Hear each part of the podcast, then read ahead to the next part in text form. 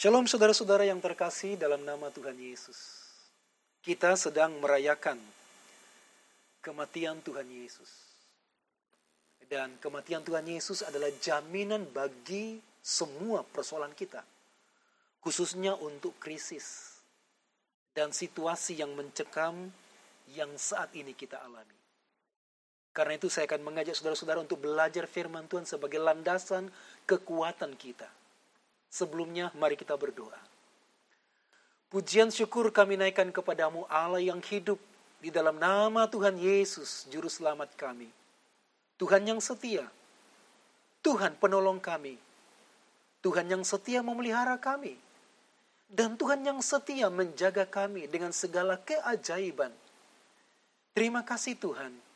Hari ini kami dapat menikmati perayaan kematian Tuhan Yesus di kayu salib. Kami mengingat kasih Tuhan yang besar bagi kami manusia yang berdosa. Dan kami teguhkan harapan kami, keyakinan kami dalam Tuhan. Bahwa Engkau sanggup menolong kami. Waktunya kami akan membaca firman-Mu berbicaralah kepada kami, ya Allah yang hidup. Dan roh kudus akan membimbing kami kepada kebenaran Tuhan. Roh kudus akan mengajar kami tentang hati Bapa. Dan kami bersuka cita sebab roh kudus menjumpai kami, melawat kami hari ini dalam membaca, merenungkan, mempelajari firman-Mu. Kami siapkan hati kami dalam nama Tuhan Yesus. Amin. Saudara-saudara yang terkasih, firman Tuhan pada saat ini terambil dalam 1 Petrus pasal 3 ayat 18 bagian A. 1 Petrus pasal 3 ayat 18a. Kalau saudara sudah, sudah menemukan, mari kita membaca bersama-sama. Demikianlah firman Tuhan. Sebab juga Kristus telah mati sekali untuk segala dosa kita ia yang benar untuk orang-orang yang tidak benar, supaya ia membawa kita kepada Allah. Saudara-saudara, firman ini mengajarkan tiga hal kepada kita mengenai tujuan kematian Tuhan Yesus. Yang pertama, kematian Yesus bertujuan untuk menebus dosa manusia. Jelas pada bagian A Sebab juga Kristus telah mati sekali untuk segala dosa kita. Yesus mati untuk segala dosa kita. Saudara-saudara, firman Tuhan berkata dalam Roma pasal 6 ayat 23, upah dosa adalah kematian. Barang siapa yang berdosa, ganjarannya adalah kematian. Dan semua manusia, termasuk saya dan saudara, pasti akan mengalami kematian. Sekarang negara, beberapa negara menghitung akan kematian karena serangan virus corona. Tapi saudara-saudara, sekalipun tidak ada serangan virus corona, kita pasti tetap akan mati. Entah mati karena sakit, entah mati karena kecelakaan, atau entah mati pada waktu kita istirahat. Tapi semuanya kita pasti akan mati takdir kita adalah mati. Karena firman Tuhan berkata, upah dosa adalah maut, kematian. Dan dosa itu menagih. Dosa itu seperti utang, saudaraku. Dia menagih. Itulah sebabnya iblis menagih orang-orang yang berdosa. Dan orang-orang yang berdosa tidak lepas dari pelanggaran mereka. Tidak lepas dari rasa bersalah atau lebih tepatnya bahwa orang yang berbuat dosa membuat perjanjian dengan iblis. Dan orang yang berdosa akan ditagih terus-menerus oleh iblis.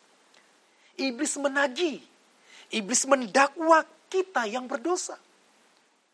Karena itu untuk bebas dari dosa dan hukuman dosa dibutuhkan korban pengganti korban untuk menyelesaikan semua dosa-dosa kita. Namun korban itu haruslah sesuai dengan persetujuan dari Tuhan. Bukan korban yang diatur oleh manusia. Atau diatur oleh agama-agama dunia. Dan manusia pasti tidak mampu untuk lepas dari dosa. Manusia tidak bisa menebus diri mereka, dosa mereka sendiri. Karena kita yang berhutang tidak bisa melepaskan diri kita dari hutang. Kita membutuhkan ada pribadi dan kuasa yang lebih besar, jauh lebih besar di luar dari kita, yang sanggup untuk menolong kita, melepaskan kita dari utang dosa. Untuk bisa membayar semua dosa kita, membayar semua pelanggaran kita, dan membayar, membayar semua pemberontakan kita. Dosa harus dibayar dengan kemuliaan Kematian harus dibayar dengan kematian. Kutuk harus dibayar dengan kutuk. Dan siapa yang dapat melakukan semuanya ini tak seorang pun yang dapat melakukan.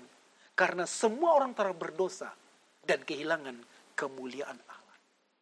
Tapi puji Tuhan, saudara-saudara, hari ini adalah peringatan akan kasih Allah yang besar Tak seorang pun yang sanggup menyelamatkan kita, menebus dosa kita. Bahkan apa yang kita lakukan tidak dapat menebus semua perbuatan dosa kita. Apa yang kita lakukan tidak dapat menyelamatkan kita dari kematian. Dan kita membutuhkan Allah yang maha baik, yang sanggup untuk menolong kita. Memberikan putranya Yesus Kristus.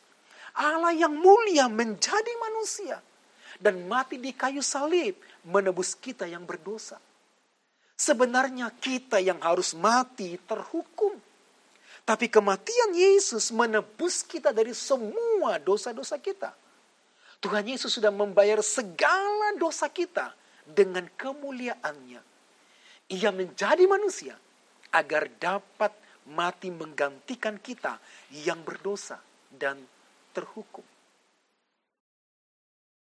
Dalam 2 Korintus 5 ayat 21 berkata, Dia yang tidak mengenal dosa telah dibuatnya menjadi dosa karena kita.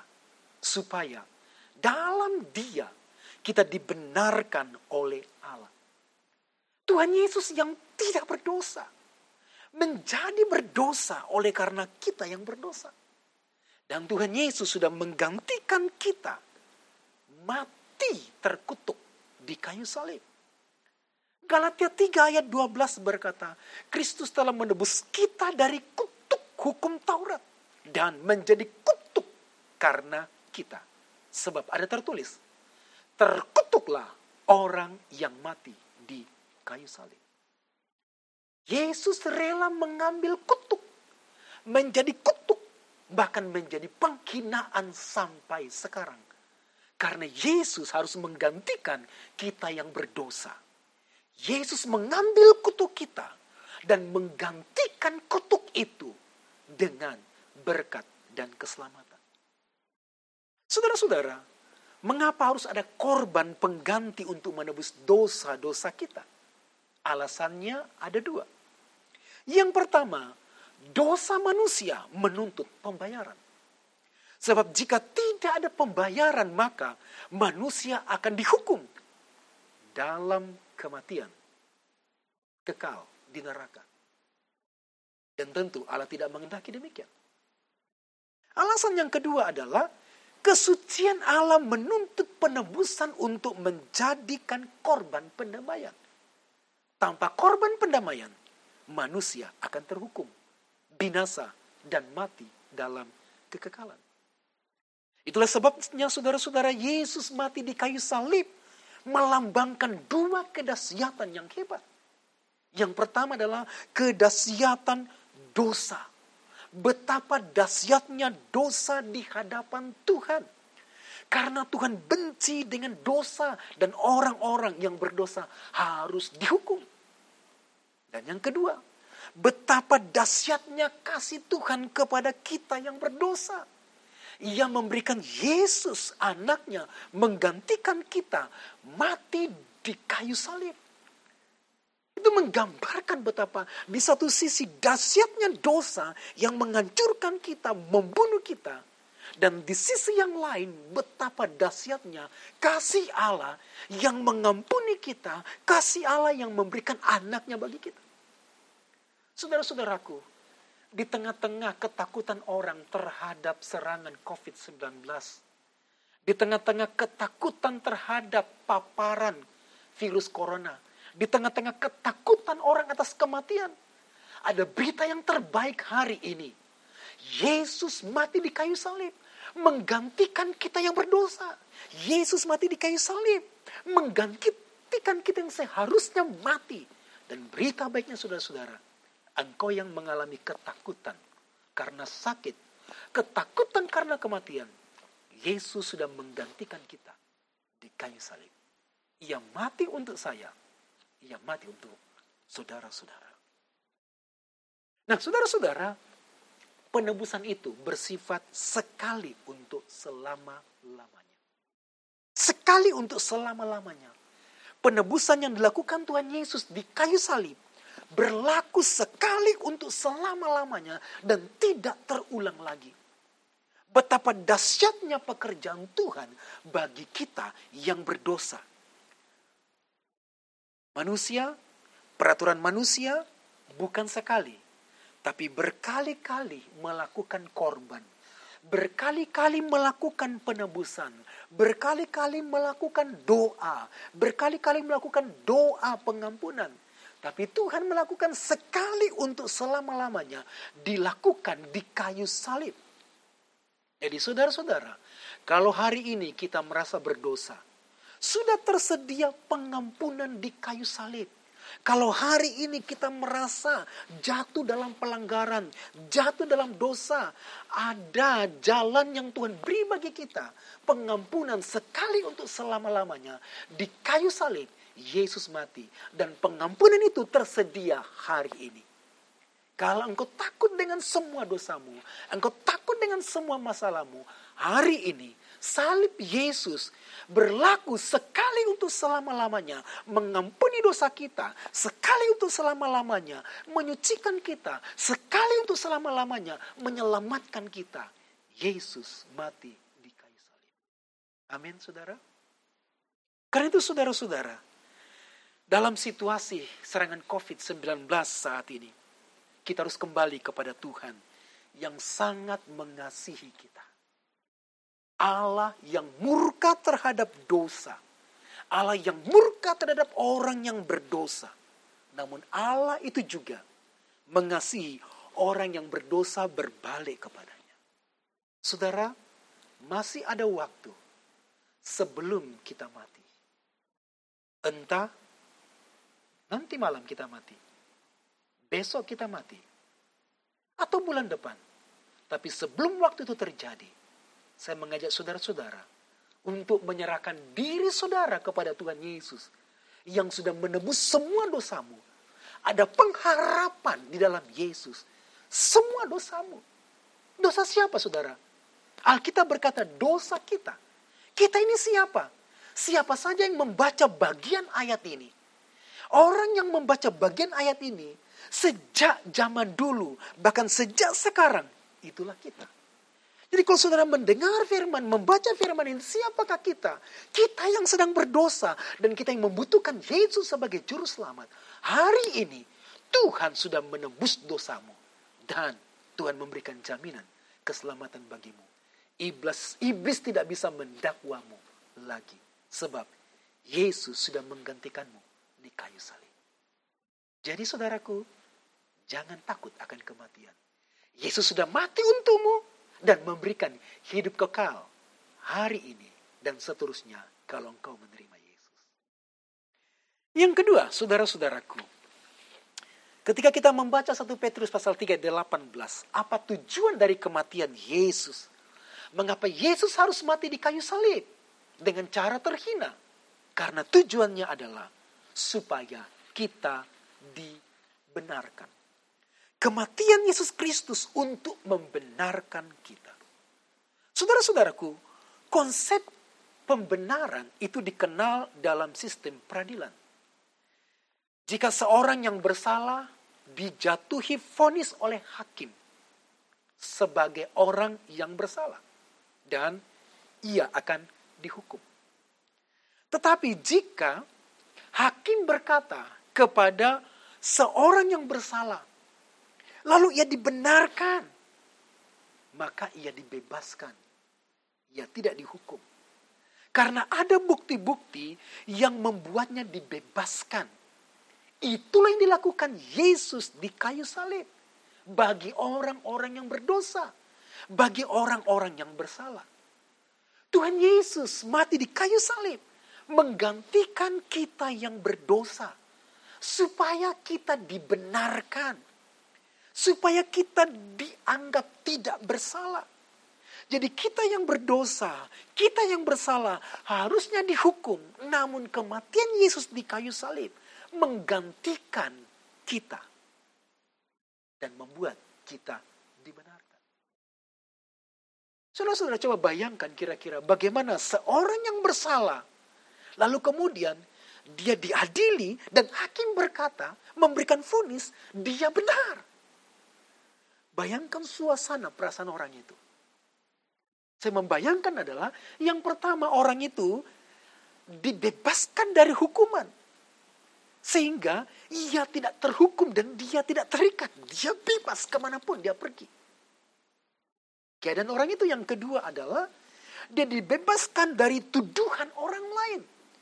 Sehingga ia bebas dari ketakutan. Dia tidak perlu takut kepada apa pun dan siapa pun karena dia dianggap benar. Bahkan orang yang dianggap musuhnya sekalipun, ketika dia dianggap benar, dia tidak perlu takut karena dia benar.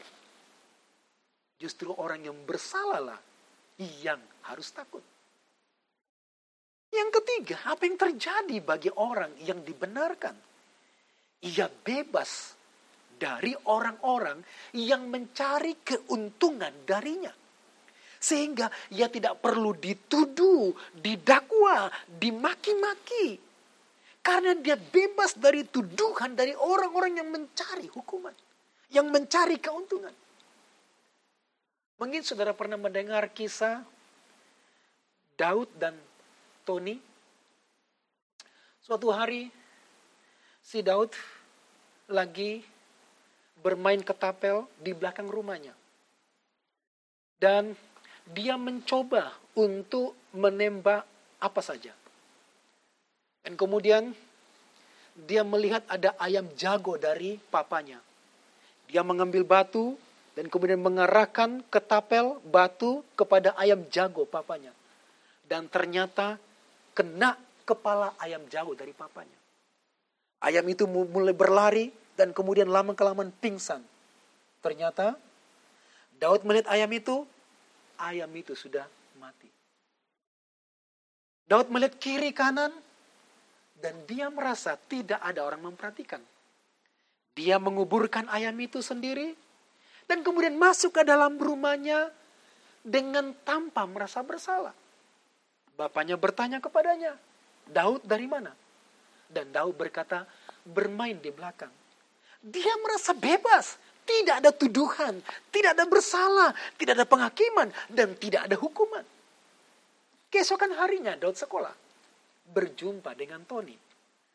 Dan kemudian Tony berkata kepada Daud, Hai Daud, saya melihat kemarin kamu menembak ayam papamu, dan ayam itu mati.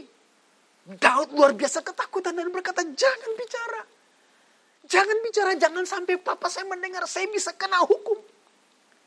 Lalu Tony berkata begini, saya tidak akan bicara, tapi ngertilah bagaimana uang tutup mulut. Lalu kemudian Daud memberikan uang jajan kepada uang jajannya kepada Tony. Daud merasa bebas. Keesokan harinya, Tony kemudian berjumpa dengan Daud. Dan sekali lagi Daud berkata kepada, Hai, Ton, hai Daud, bagaimana dengan kabar kabar ayam dari ayammu? Dan kemudian Daud berkata, tolong jangan beritahu, jangan berteriak, nanti saya akan dihukum. Sekali lagi, Tony minta imbalan untuk menutup mulutnya. Dan Daud akhirnya mengeluarkan uang jajannya yang seharusnya dipakai untuk jajan, tapi diberikan kepada Tony. Dan itu berlangsung terus menerus. Daud merasa tertuduh. Daud kehilangan berkat. Daud kehilangan sukacita. Daud takut. Takut dihukum. Takut dimaki. Takut dihakimi.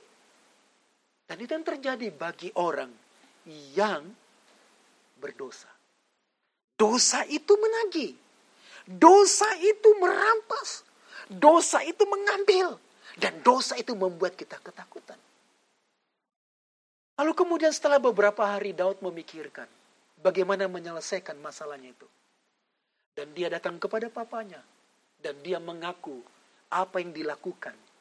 Bahwa dia telah menembak, membunuh ayam kesayangan papanya. Dan papanya berkata begini, Daud, Papa melihat bahwa engkau menembak dan membunuh ayam kesayangan Papa. Tapi Papa menunggu sampai engkau mengaku. Dan apa yang kau alami beberapa hari ini? Bukankah engkau ketakutan? Engkau bermasalah. Engkau kehilangan sukacita. Engkau kehilangan berkat. Kehilangan keuntungan. Kehilangan hubungan yang baik dengan papamu sendiri. Itulah yang terjadi bagi orang-orang yang bersalah, orang-orang berdosa. Ini dilakukan oleh iblis. Iblis mendakwa kita. Iblis menuduh kita. Iblis selalu menuduh. Iblis selalu menghakimi. Iblis selalu mendakwa kita. Iblis menagih. Iblis mengikat. Iblis mau menarik kita supaya kita kehilangan berkat-berkat, kehilangan sukacita, dan kehilangan persekutuan dengan Bapa kita di sorga. Dengan menuduh dosa-dosa yang kita sudah lakukan. Menuduh pelanggaran yang kita sudah lakukan. Dan sampai hari ini kita belum pernah mengakuinya kepada Bapa kita. Saudara-saudara, ini hari yang baik untuk mengakui semua pelanggaran kita. Semua dosa-dosa kita Yesus mati di kayu salib untuk menggantikan kita berdosa, menebus kita sekaligus membenarkan kita supaya kita tidak perlu takut dengan semua tuduhan iblis. Kita tidak perlu takut dengan kehilangan. Kita tidak perlu takut dengan semua ancaman-ancaman iblis karena Tuhan Yesus sudah membenarkan kita. Saya bebas engkau bebas. Dan kita bisa menikmati hubungan dengan Bapa, menikmati berkat Bapa, menikmati kebaikan Bapa, menikmati sukacita sorga dari Bapa, dan menikmati segala kehidupan yang Tuhan beri bagi kita. Yesus mati di kayu salib untuk membenarkan kita supaya kita mengalami kekuatan ilahi di dalam Tuhan. Saudara-saudara, kematian Yesus Salib Yesus adalah pengadilan Allah untuk membenarkan orang-orang yang percaya kepadanya. Sehingga kita dibebaskan untuk menikmati hubungan dengan Allah. Kita bebas menyembah Allah. Dan kita bebas menyerahkan anggota tubuh kita dipakai menjadi senjata-senjata kebenaran. Kita tidak lagi mengikuti perintah iblis, pikiran iblis. Salib adalah pengadilan Allah bahwa Allah sudah membenarkan kita di kayu salib. Dan kita sekarang bebas untuk mendekati Allah tanpa rasa takut. Kita bebas untuk menikmati hadirat Allah tanpa rasa takut. Khotbah saya minggu yang lalu mengajak kita untuk berlari, bersembunyi di hadirat Allah. Tempat yang paling aman adalah hadirat Allah. Tempat yang paling aman di mana kita bisa duduk menikmati persekutuan dengan Tuhan adalah perlindungan di dalam Allah sendiri. Dan Allah akan menolong kita dari semua tuduhan, semua ketakutan, semua rasa bersalah. Adakah di antara saudara-saudara hari ini yang menyimpan rasa bersalah tentang dosa-dosa masa lalu? Adakah di antara kita hari ini yang menyimpan ketakutan akan masa lalu kita dan juga kita mengalami ketakutan akan masa depan kita? Atau adakah di antara saudara-saudara yang saat ini begitu khawatir dengan serangan. Serangan virus corona hari ini? Allah sudah membenarkanmu, membebaskanmu, dan engkau bisa menikmati hadirat Tuhan, menikmati kebaikan Tuhan, menikmati kehidupan yang Tuhan beri kepadamu tanpa ada tuduhan, dakwaan, rasa bersalah. Karena Tuhan sudah mengambil rasa bersalahmu. Tuhan sudah menggantikanmu di kayu salib. Dan membenarkanmu saat ini juga. Kolose pasal 2 ayat 14. Kolose 2 ayat 14 berkata, dengan menghapuskan surat hutang yang oleh ketentuan-ketentuan hukum mendakwa dan mengancam kita. Dan itu ditiadakannya dengan memakukannya pada kayu salib. Kalau engkau masih menyimpan ketakutan, menyimpan dakwaan, menyimpan sakit hati, menyimpan kemarahan, menyimpan kekhawatiran, dan nampaknya engkau tidak bisa lepas. Hari ini, pandanglah salib Yesus. Dan pakukan semua ketakutanmu di sana. Sebab Yesus sudah terpaku di sana. Biarkan Yesus mengangkat bebanmu. Biarkan Yesus mengangkat semua ketakutanmu. Biarkan Yesus mengangkat semua dosa-dosamu. Dan Tuhan menyembuhkan. Amin, saudara. Bagaimana kita menghubungkan kebenaran ini dengan situasi saat ini? Yesus telah membenarkan kita. Tuhan Yesus telah membebaskan kita. Jadi jangan takut dengan situasi yang saat ini sedang terjadi. Semua rasa bersalah, semua rasa takut, bahkan ketakutan terhadap sakit, ketakutan terhadap kematian. Allah sumber perlindungan kita. Dia sudah membenarkan kita. Karena itu, miliki Allah yang dahsyat. Hakim yang sudah membenarkan kita. Engkau akan bersuka cita hari ini. Nikmati sukacita dan kebaikan Tuhan. Yang ketiga, saudara.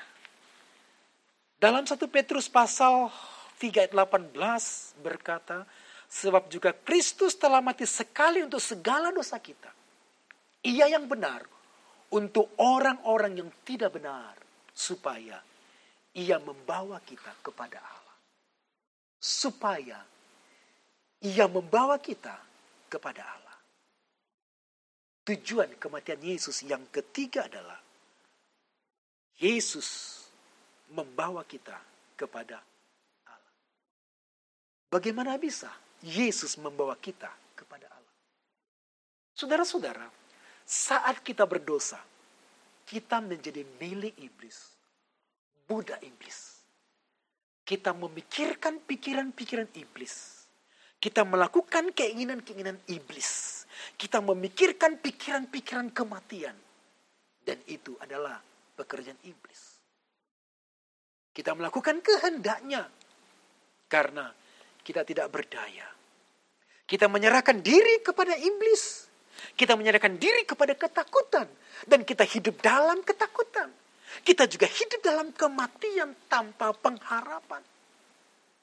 Dan melalui kematian Yesus Kristus di kayu salib. Ia menebus kita. Ia membayar kita dengan darahnya. 1 Petrus pasal 1 ayat 18 berkata, Sebab kamu tahu bahwa kamu telah ditebus dari cara hidupmu yang sia-sia yang kamu warisi dari nenek moyangmu itu. Bukan dengan barang yang fana.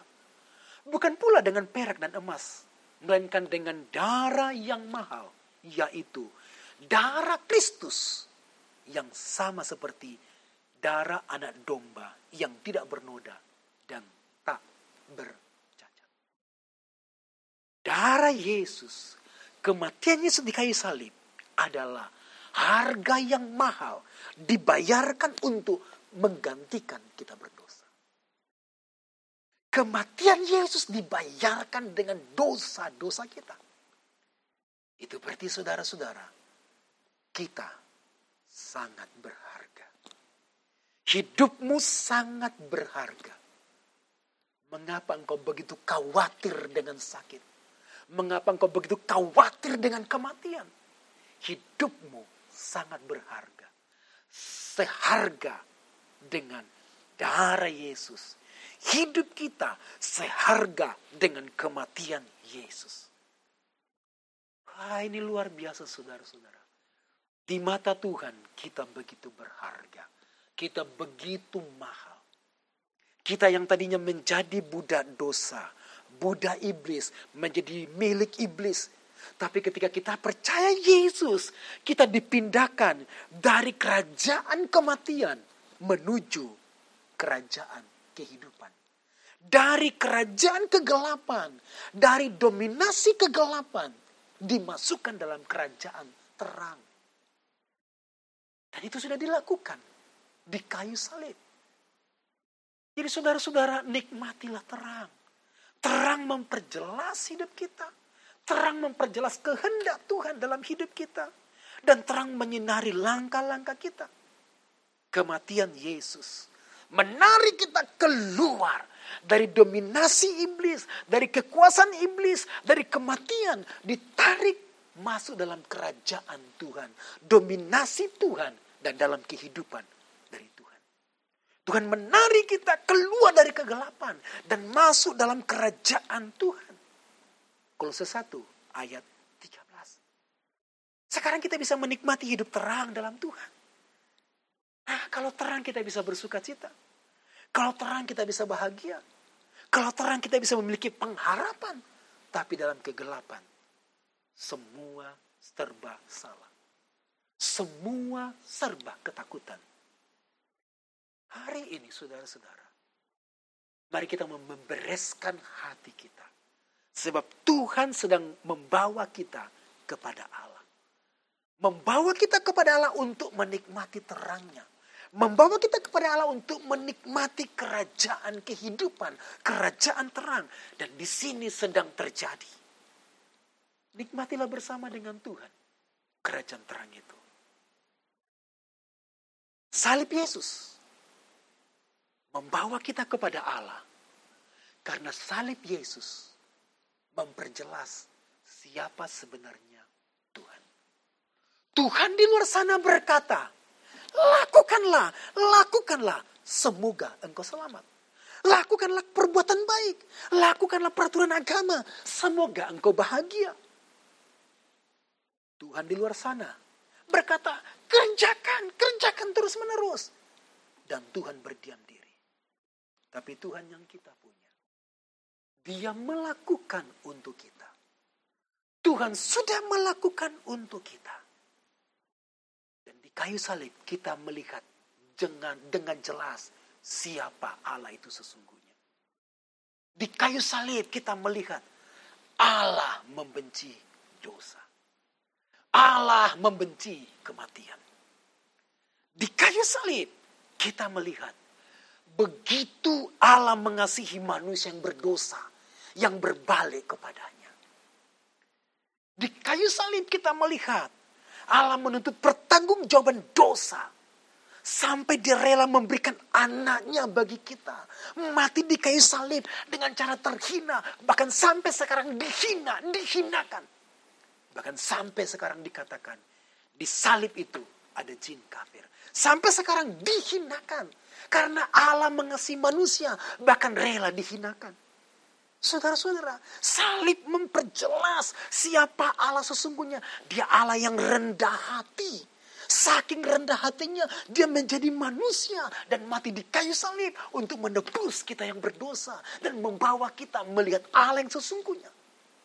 Dan di kayu salib itu juga Allah memperlihatkan kuasanya yang hebat, yang dahsyat, yang sanggup menyelamatkan kita. Bukan dengan perbuatan baik kita, bukan dengan perbuatan kasih kita kepada orang lain, bukan dengan kerohanian kita, bukan dengan keagamaan kita, dan bukan dengan semua rutinitas agama-agama yang kita lakukan.